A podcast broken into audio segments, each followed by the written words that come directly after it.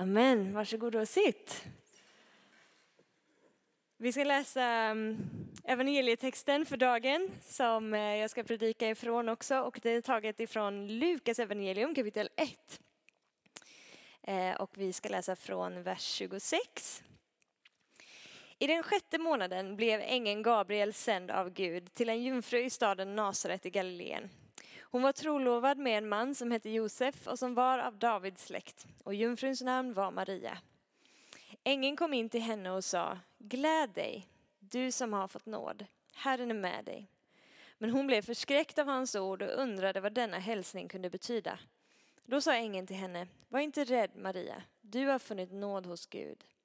Du ska bli havande och föda en son och du ska ge honom namnet Jesus. Han ska bli stor och kallas den högstes son och Herren Gud ska ge honom hans fader Davids tron. Han ska vara kung över Jakobs hus för evigt och hans rike ska aldrig ta slut. Då sa Maria till ängeln, hur ska detta ske? Jag har ju inte haft någon man. Ängeln svarade henne, den helige ande ska komma över dig och den högstes kraft ska vila över dig. Därför ska barnet som föds kallas heligt och Guds son och din släkting Elisabet är också havande med en son på sin ålderdom.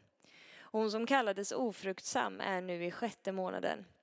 För ingenting är omöjligt för Gud. Maria sa, jag är Herrens tjänarinna. Låt det ske med mig som du har sagt. Och ängeln lämnade henne.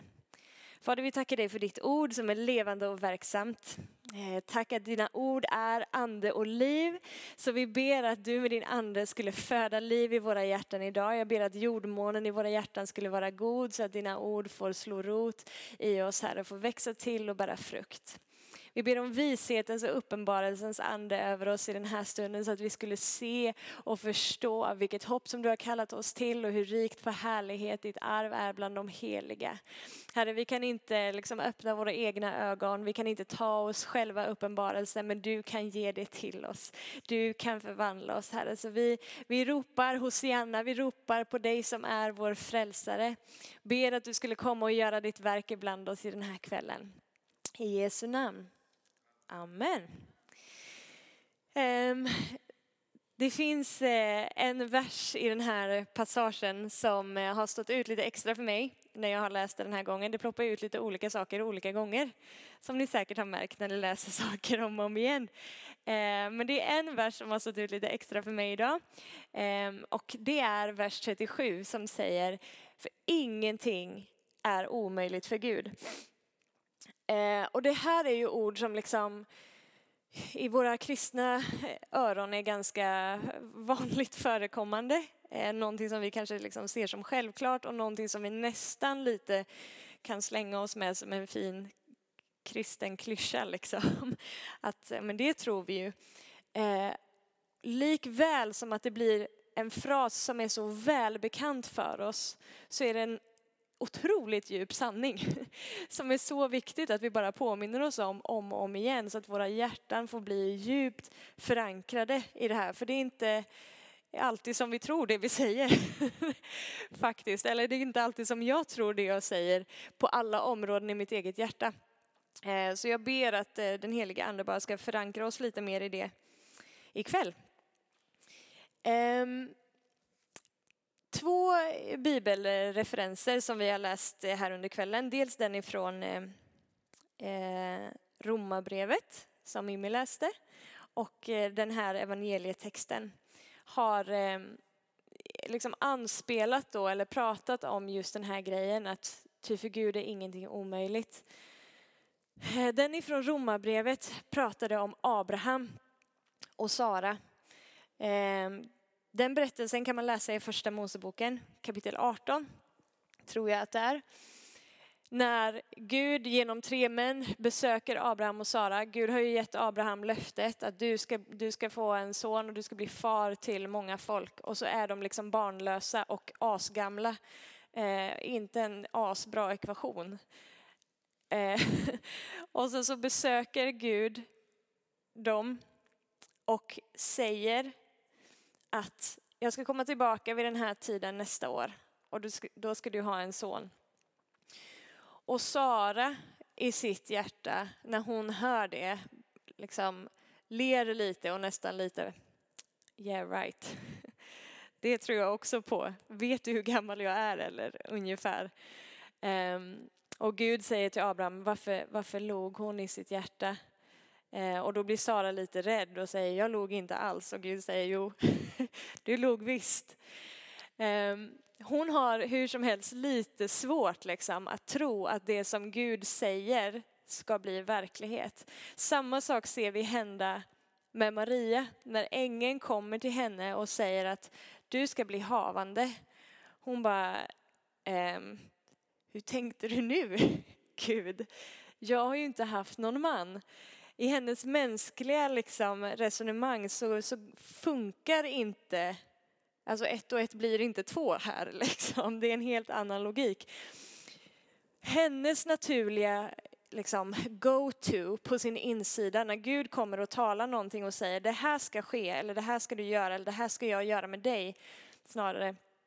Eh, när, när det i hennes värld tycks helt omöjligt så är hennes naturliga go-to att börja fundera på sina mänskliga omständigheter. Liksom. Men hur tänkte du att det här skulle ske? Jag har inte haft någon man. Det är liksom omöjligt. Sara likadant, går till sina mänskliga omständigheter. Gud, hur tänkte du nu liksom? Jag är för gammal. Det här kommer faktiskt inte funka. Och jag tror någonstans att det är en ganska naturlig mänsklig respons. Om du någon gång har varit med om att Gud har liksom talat någonting in i ditt liv, antingen att han har gett dig liksom ett, ett löfte om någonting som ska hända längre fram eller bett dig att göra någonting i stunden. Liksom att här, gå med det här, handla på det här eller liksom, gå och be för den personen eller säg det här till den eller bara kalla dig in i någonting som i din värld doesn't make sense överhuvudtaget. Liksom. Säg upp dig från jobbet. Ja, varför det Gud? Ja, det ska jag visa dig sen. Jaha, okej. Okay. Responsen blir väldigt ofta för oss liksom att Gud, jag fattar nada. liksom. jag, jag förstår inte och med min mänskliga logik så går det här verkligen inte ihop. Men Gud har en annan logik. Hans logik är bara inte, inte som våran logik. Hans liksom, preferenser eller hans liksom, perspektiv, hans kraft och hans makt opererar på ett annat plan än vad vårt mänskliga tänkande gör eller utifrån vilket perspektiv som vi lever våra liv ofta. Ehm, men likväl som att som att det kan vara vår verklighet där vi bara, Gud jag fattar inte eh, hur, hur. Så kan det också vara en verklighet där det helt plötsligt ter sig hur naturligt som helst. Liksom. Att handla på det som Gud har sagt. Det är liksom inte ens en fråga. Och det finns några sådana eh, berättelser i Bibeln som jag har tänkt på när jag har funderat på Eh, den här kvällens predikan. Som temat är förresten Guds mäktiga verk, sa någon det eller? Ja. Eh, parentes. I alla fall, jag funderade på Petrus som, eh, alltså Jesu lärjunge Petrus. Han har ju då hängt med Jesus under eh, tre år. Och någonstans under de här tre åren jag vet inte exakt när på den tidsaxeln, men någonstans under den tidsaxeln så befinner han sig i en båt med de andra lärjungarna och eh, det blir lite stormigt. Och sen kommer Jesus gående på vattnet och alla lärjungarna blir asrädda och tror att det är ett spöke. Men Petrus liksom ropar Jesus, om det är du så se till mig att komma, gå, gå på vattnet till dig vad är det liksom, vad är det som har hänt i Petrus sinne eller hjärta som gör att det helt plötsligt verkar helt fullt rimligt att gå på vattnet? Alltså, han är, ju, han är ju människa, han är ju lika mycket människa som du och jag. I min värld så är det liksom inte rimligt att gå på vattnet. Om Jesus skulle säga till mig, Lovisa gå på vattnet, då skulle jag tänka på det en två gånger. Alltså. Men i Petrus värld i det här läget så är det fullständigt rimligt att det är klart att jag kan gå på vattnet om det är Jesus. Det är liksom inte ens en, en fråga. Hur i hela världen är det möjligt liksom?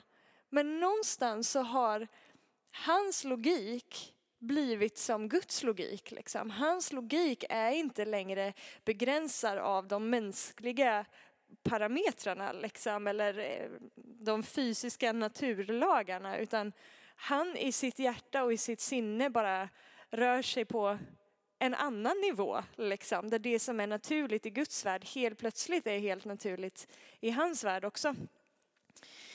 Så det verkar som att våran eh, logik, om jag nu får kalla det så, en, tenderar att ändras när vi umgås med Gud. Petrus har ju umgåtts med Jesus. Och helt plötsligt så, någonting har bara klickat. En del grejer hade ju inte klickat i hans hjärta som vi kan läsa om också, men vissa grejer hade ändå klickat. Men helt plötsligt så verkar det omöjliga liksom rimligt. Jag tänker också på, det finns en berättelse från Lukas kapitel 9, när Jesus eh, vandrar runt i olika städer och byar och så skickar han lärjungarna dit för att förbereda, liksom. han skickar dem innan. Eh, och så finns det ett ställe, som jag tror att det var en samarisk by, eh, dit eh, Jakob och Johannes kommer. Och där säger de att de vill inte ta emot Jesus. Och de här två lärjungarna då blir så provocerade av det här så de går till Jesus och bara Jesus, vill du att vi ska kalla ner eld som förtär hela den här byn och alla människorna i den? Eh, när jag läser det så bara okej, okay, hur hur tänkte de att det var rimligt att de skulle överhuvudtaget kunna kalla ner eld? Om vi bara släpper frågan huruvida det var rätt eller inte just nu. Men de verkar ju inte ens tycka att det är ett, ett, en utmaning eller ett problem att ens kunna kalla ner eld över en stad. Liksom att, att förtära den här staden. De har hängt med Jesus och eh, vid det här laget så har de sett honom bota besatta. De har sett honom uppväcka döda. De har sett honom stilla en storm. De har blivit utsända att predika och bota sjuka och fått se Gud göra under genom deras egna händer. De har sett Jesus göra brödundret och mätta 5000 män. De har varit eh, med Jesus uppe på förklaringsberget där de har fått se honom i sin härlighet och de har fått höra Faderns röst med allt det här som de har fått vara med om tillsammans med Jesus, så klart att det är rimligt i deras värld att de skulle kunna kalla ner eld över en by. That's not an issue. Sen att de är helt ute och cyklar i huruvida det var rätt eller inte att göra det är en annan fråga. Liksom, de har liksom missat poängen lite med att ja, vi kan använda kraft, men om du skiljer på Guds kraft från hans kärlek så blir det inte bra. Så Jesus tillrättavisar dem och säger att nej, hörni, det där, nu, nu är ni ute och cyklar. Jag har inte kommit för att eh, förtära, jag har kommit för att frälsa. Men det fascinerar mig ändå att se liksom deras logik, där det som återigen, de är människor, precis som du och jag är människor, fast de lever i en annan tid och i en annan kultur. Men för mig är det liksom otroligt farfetched att tänka att det är klart att jag går med den kraften, att jag bara skulle kalla ner eld och så händer det här. Men resan tillsammans med Gud, umgänget tillsammans med Gud har förvandlat deras sätt att tänka, förvandlat synen på vem Jesus är och vad som faktiskt är möjligt. Så att det som i mänskliga ögon ter sig helt fullständigt omöjligt och orimligt är inte ens en fråga i deras huvuden.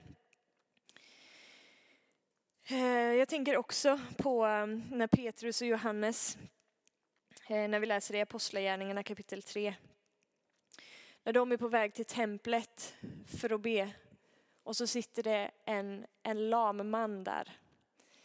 Ehm, och det står i den texten att den här lame mannen bars dit varje dag och sattes där. Eh, så de här lärjungarna har ju förmodligen sett den här lame mannen större delen av sina liv. Jag vet inte hur gamla liksom, respektive parter var, men de har sett honom mycket. För de gick ju dit och, och, och bad varje dag. Och han satt där varje dag. Men helt plötsligt så är det rimligt i deras värld att när den här lame mannen liksom säger hjälp mig och tigger om pengar så går de fram och säger vet du silver och guld har jag inte men det jag har, det ger jag dig. I Jesu namn, stig upp och gå. Och han stiger upp och går.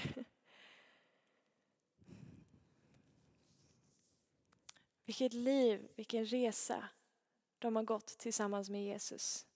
Som gör att det som med mänskliga ögon liksom är omöjligt. Det som, vi, det som blir så hemvant, det som vi liksom tänker är någon slags permanent tillstånd för exempelvis den här mannen då, liksom, det som blir cementerat på våran insida på något sätt för att vi är, så, vi är så vana vid att det är på ett visst sätt. Helt plötsligt så bara kan tro resa sig liksom, för våran logik, våra sinnen har förnyats och förvandlats till att tänka som han tänker liksom. Vi blir lika honom när vi umgås med honom och hans sätt att resonera smittar av sig på oss.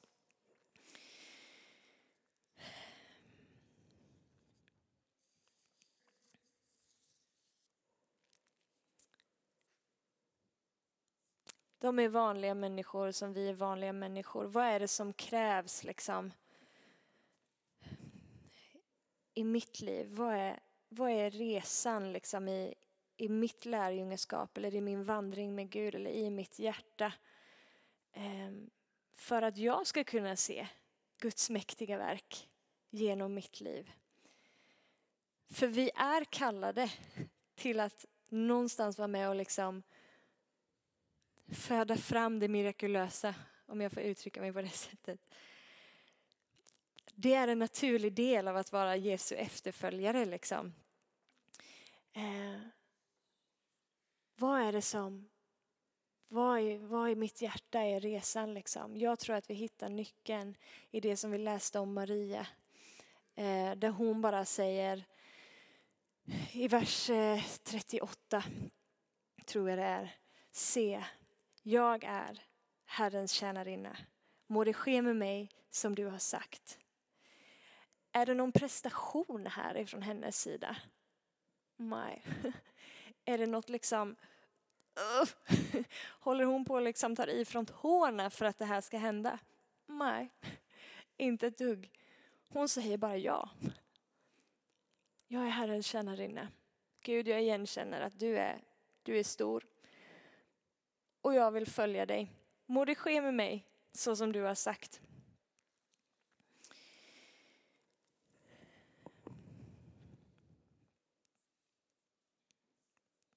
Tänk om. Vilken, vilken, vilken glädje att få kunna ha sitt hjärta så förankrat i Guds hjärta Eh, min blick så fixerad i Jesu blick. Så att om han skulle säga till mig, gå på vattnet, så skulle jag inte sjunka i vågorna. eh, om jag ska försöka sätta in mig i Marias skor i det här läget. Liksom. När han säger det här ska hända dig. Hennes liksom, första go-to är de mänskliga omständigheterna. The waves, vågorna. Varför är det här omöjligt? Varför kan det här inte ske? Men sen någonstans i hennes hjärta så bara, okej, okay, Gud, låt det ske med mig som du har sagt. Jag är din tjänarinna. Tänk att vi kan ha vår blick och vårt hjärta så förankrat i honom så att det faktiskt helt plötsligt känns rimligt och möjligt. Oavsett vilken situation du står inför just nu, liksom. om Gud har sagt till dig, säg upp dig från jobbet och du bara, ha och sen då? Ehm, eller om Gud har liksom eh, sagt till dig att jag vill att du ska lägga dina händer på den här personen och be för den så att den ska bli frisk. Eller han har gett dig en, ett ord, liksom, ett löfte, ett profetiskt ord om det här är vad jag har kallat dig till och du bara, ja lycka till Gud. Jag vet inte vad du står inför liksom. Men jag vet att, att vandra tillsammans med Gud kan innebära att våra sinnen blir förvandlade. Att helt plötsligt så verkar hans möjligheter möjligt även i min värld. Liksom. Tänk om vi kunde bli ett folk som är så förvandlade, förnyade i våra sinnen att hans logik och verklighet blir mer logisk och levande för oss än den mänskliga logiken och det som vi har precis framför näsan.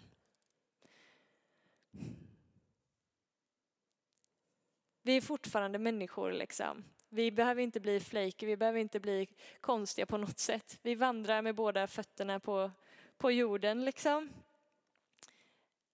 Men vi känner en som är väldigt mycket större än det som våra fötter vandrar på. Och därför så blir det omöjliga helt plötsligt möjligt. Vi lyssnar och vi lyder. Vi kan inte lyda utan att ha, först ha hört. Så vi måste lyssna liksom. Vad är det han säger? Maria kunde inte säga ja utan att han först hade talat. Abraham och Sara kunde inte heller säga ja utan att Gud först hade talat. Så vi måste ju höra liksom för att sen kunna lyda. Men när vi har hört så måste vi också lyda. Det är våran, våran kallelse liksom, som Guds lärjungar. Vårt uppdrag.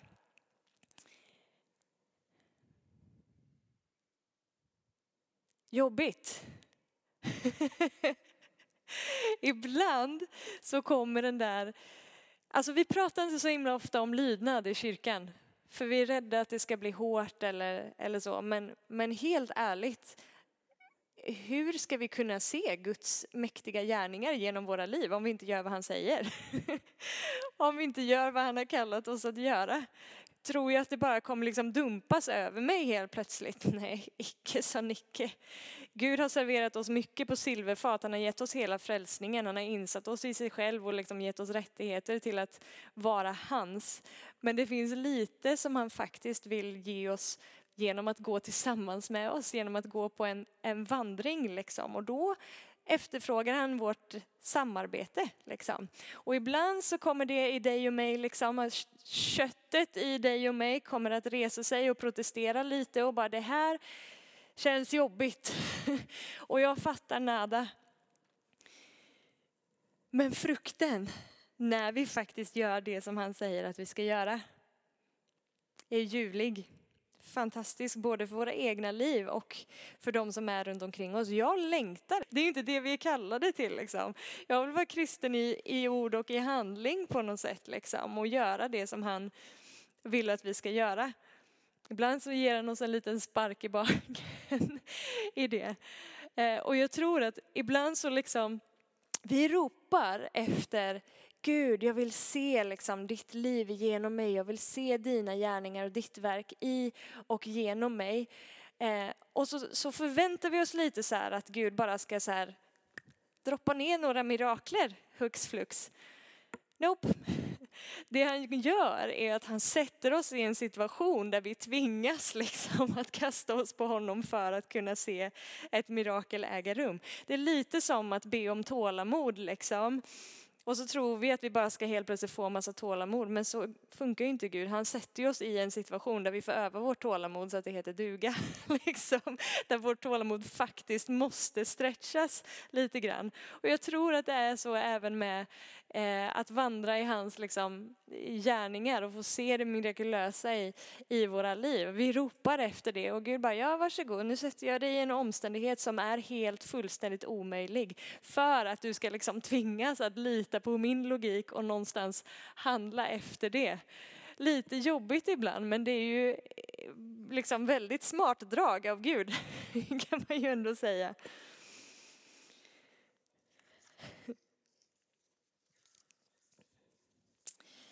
Jag har skrivit så här. Det är inte förrän vi utsätts för eller utsätter oss för situationer som faktiskt är omöjliga som vi får en chans att se Guds mäktiga verk. Jag tror att Gud älskar att ha oss på den platsen liksom, där vi står inför en omöjlighet för att vi tvingas att, att kasta oss på honom. Och när det väl då bryter igenom, liksom, när väl ett under sker, oavsett om det är att någon blir helad eller eh, ett finansiellt eller liksom, ekonomiskt under i ditt liv eller du får ett jobb eller eh, liksom bara inre helande eller vad det än kan vara. Liksom. Men han sätter oss på den platsen där vi blir liksom nästan inmålade i ett hörn där han kan ba, det kan bara vara han som är utvägen. Så blir det så otroligt uppenbart och tydligt både för oss själva och för hela omgivningen att det här var bara Gud. Det var bara Gud. Det fanns liksom inte en chans att det var i min egen mänsklighet som det här blev bra. Eller att det var någon, någon, i någon annans mänsklighet som det här blev bra, utan det var bara Gud. Vem får äran då? Han. Ganska smart. Ibland så tror jag att Gud liksom leder oss till platsen i våra liv där det liksom inte finns någon annan flyktväg. Det finns ingen annan utväg än bara han. Och han gör inte det för att vara elaka mot oss, liksom. men han liksom i sin nåd låter ibland alla andra alternativ skalas av. Han låter alla andra broar brännas bort för att vi ska slänga oss på honom. För det är i jakten på honom så formas vi också. Liksom. Det är där som lärjungaskapet växer fram. Jag tänker på det läget som Maria var i här då när ängeln kommer till henne och säger att du ska bli havande och föda en son. Ehm, och hon säger ja till det. Det är ju liksom hyfsat viktigt då att Gud faktiskt visar för omgivningen att det är han som har gjort det här. Liksom. Att han talar till Josef och säger att vet du, du behöver inte vara rädd, det här är mitt verk i din frus liv. Liksom. För att annars har Maria, hon har liksom riskerat hela sin framtid genom att säga ja till Gud. Om Gud inte dyker upp här, då är det liksom rätt kört för mig. Eh, eller i Petrus läge när han ska gå på vattnet. Om Jesus inte hjälper mig, då är det rätt kört för mig. Då, då kan jag inte gå på vattnet. Men hjälper han mig, då är det ju fine. Men i vår mänsklighet så vill vi så gärna hålla oss fast liksom vid andra. Vi, vi försöker ha försäkringar liksom både hitan och ditan, både hängslen och livrem. För det är lite jobbigt att bara lita på Gud. För vad händer om han inte dyker upp? Vad händer om han inte bär? Liksom? Vad händer om han inte svarar på den här bönen som jag precis har bett? Well, vad händer om han gör det? vad händer om han dyker upp?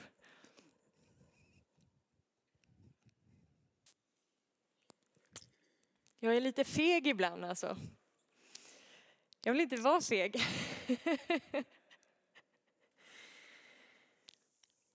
Någon sa så här, jag sa det här i söndags också när jag eh, sa någonting här framme på gudstjänsten.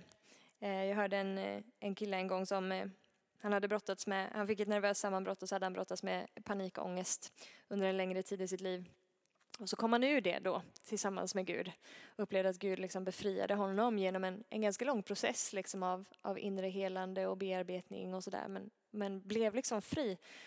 Eh, och när han sen då vittnade om det här och vad Gud hade gjort och den resan så sa han att räkna det som den största välsignelse när Gud är ditt enda alternativ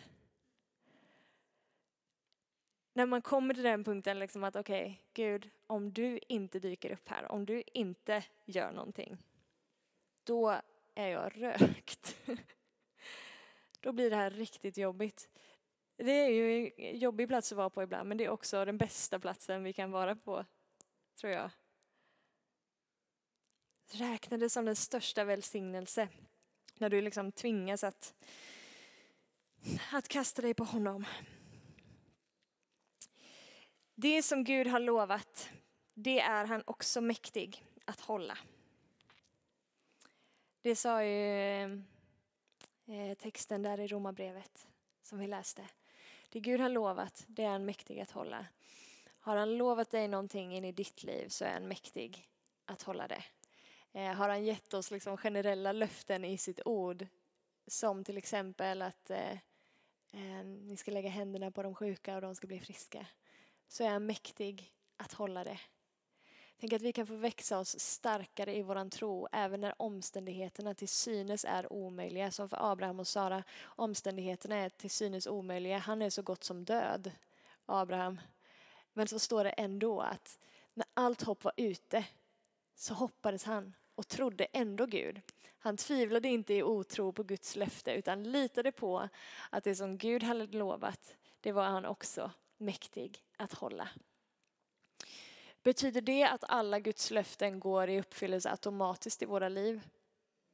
Hur spelar min egen liksom, vilja in i det? Eh, det kan man ju fundera på. Men jag tänker så här. Gud är mäktig att hålla allting som han har lovat och kommer hålla allting som han har lovat. Men han vill samarbeta med dig och mig för att han är relationell. Liksom. I Marias liv, som vi läste om, eller i Abraham och Saras liv?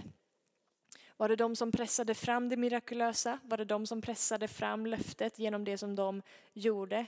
Nej, det var Gud som födde fram det mirakulösa. Det var han som var trofast sitt löfte. Det var han som gjorde det som han hade sagt att han skulle göra. Vad var deras del i det? Maria sa ja. Jag är Herrens tjänarinna.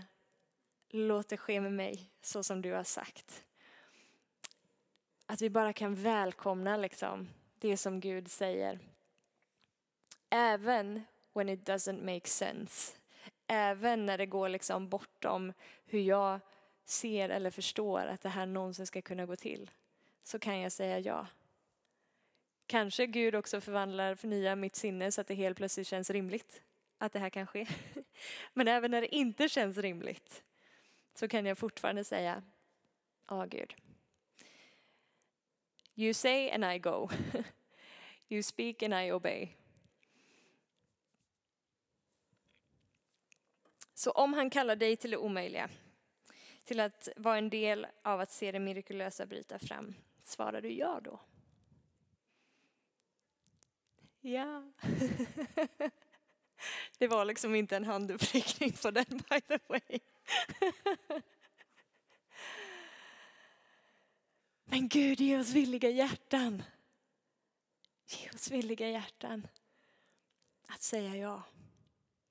Och jag tror någonstans att det villiga hjärtat också är ett verk av Guds nåd i våra liv. Jag kan vara ruskigt envis i min egen mänsklighet ibland. Men Gud ger oss ett villigt hjärta i sin nåd. För han skulle inte kräva någonting av oss som han inte först har gjort möjligt för oss. Ever. Han kallar oss inte in i någonting som han inte redan har förberett eller utrustat oss för. Amen. Vi ber.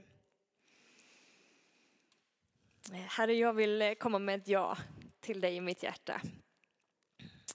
Jag fattar inte alla omständigheter som jag befinner mig i. Jag fattar inte alla situationer som du eh, liksom sätter mig i. Jag ser inte alltid vad din vilja är i, i varje läge, men, men jag vet att jag vill säga ja till dig. Det som du kallar mig att göra, det vill jag göra. När du talar så vill jag, så vill jag lyda, Herre.